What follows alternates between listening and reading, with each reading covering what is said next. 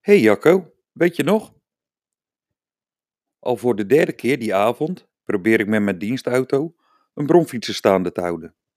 De jongen die het wrak bestuurt, rijdt met hoge snelheid, zonder helm, verlichting en verzekeringsplaatje door de smalle straatjes van de dorpskern. Twee keer was de jongen mij te slim af en wist hij via smalle poortjes te ontkomen. Deze keer ben ik vastbesloten de jongens- en dollemansrit te beëindigen voordat er onschuldige burgers worden aangereden. De jongen rijdt via een smalle straat een doorgaande weg op. Ik ruik mijn kans, want ik weet dat de weg verderop een scherpe bocht naar links maakt. Als ik nu naast de brommer kan gaan rijden, kan ik hem de mogelijkheid ontnemen naar links te sturen en zal de jongen zijn bromfiets moeten stoppen.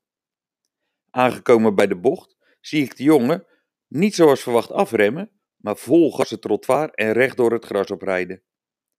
Wat de jongen even vergeten was, is dat de gemeente hier jaren terug een hele mooie grote vijver heeft aangelegd. Met een grote plons belandt de jongen samen met zijn bromfiets in het water. Verschrikt zet ik mijn dienstauto stil en loop naar de rand van de vijver, met het idee achter de jongen aan te moeten springen om hem te moeten redden. Ik zie de jongen de kant op klimmen en druipend van het water is het eerste wat hij tegen mij zegt. Ik hoop dat mijn telefoon het nog doet.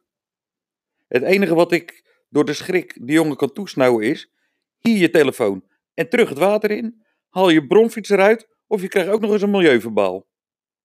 Zonder te verblikken of te verblozen duikt de jongen, tot mijn grote verbazing, de plomp weer in en haalt zijn bromfiets uit het water. De jongen deed afstand van zijn verzopen bromfiets en daar heb ik het bij gelaten. Nu, jaren later, kom ik de jongen nog wel eens tegen. Het eerste wat hij dan schaterlachen tegen mij zegt is: hey Jacco, weet je nog hoe ik de vijver in reed? Ik lag als een boer met kiespijn, omdat ik weet dat het ook heel anders had kunnen aflopen.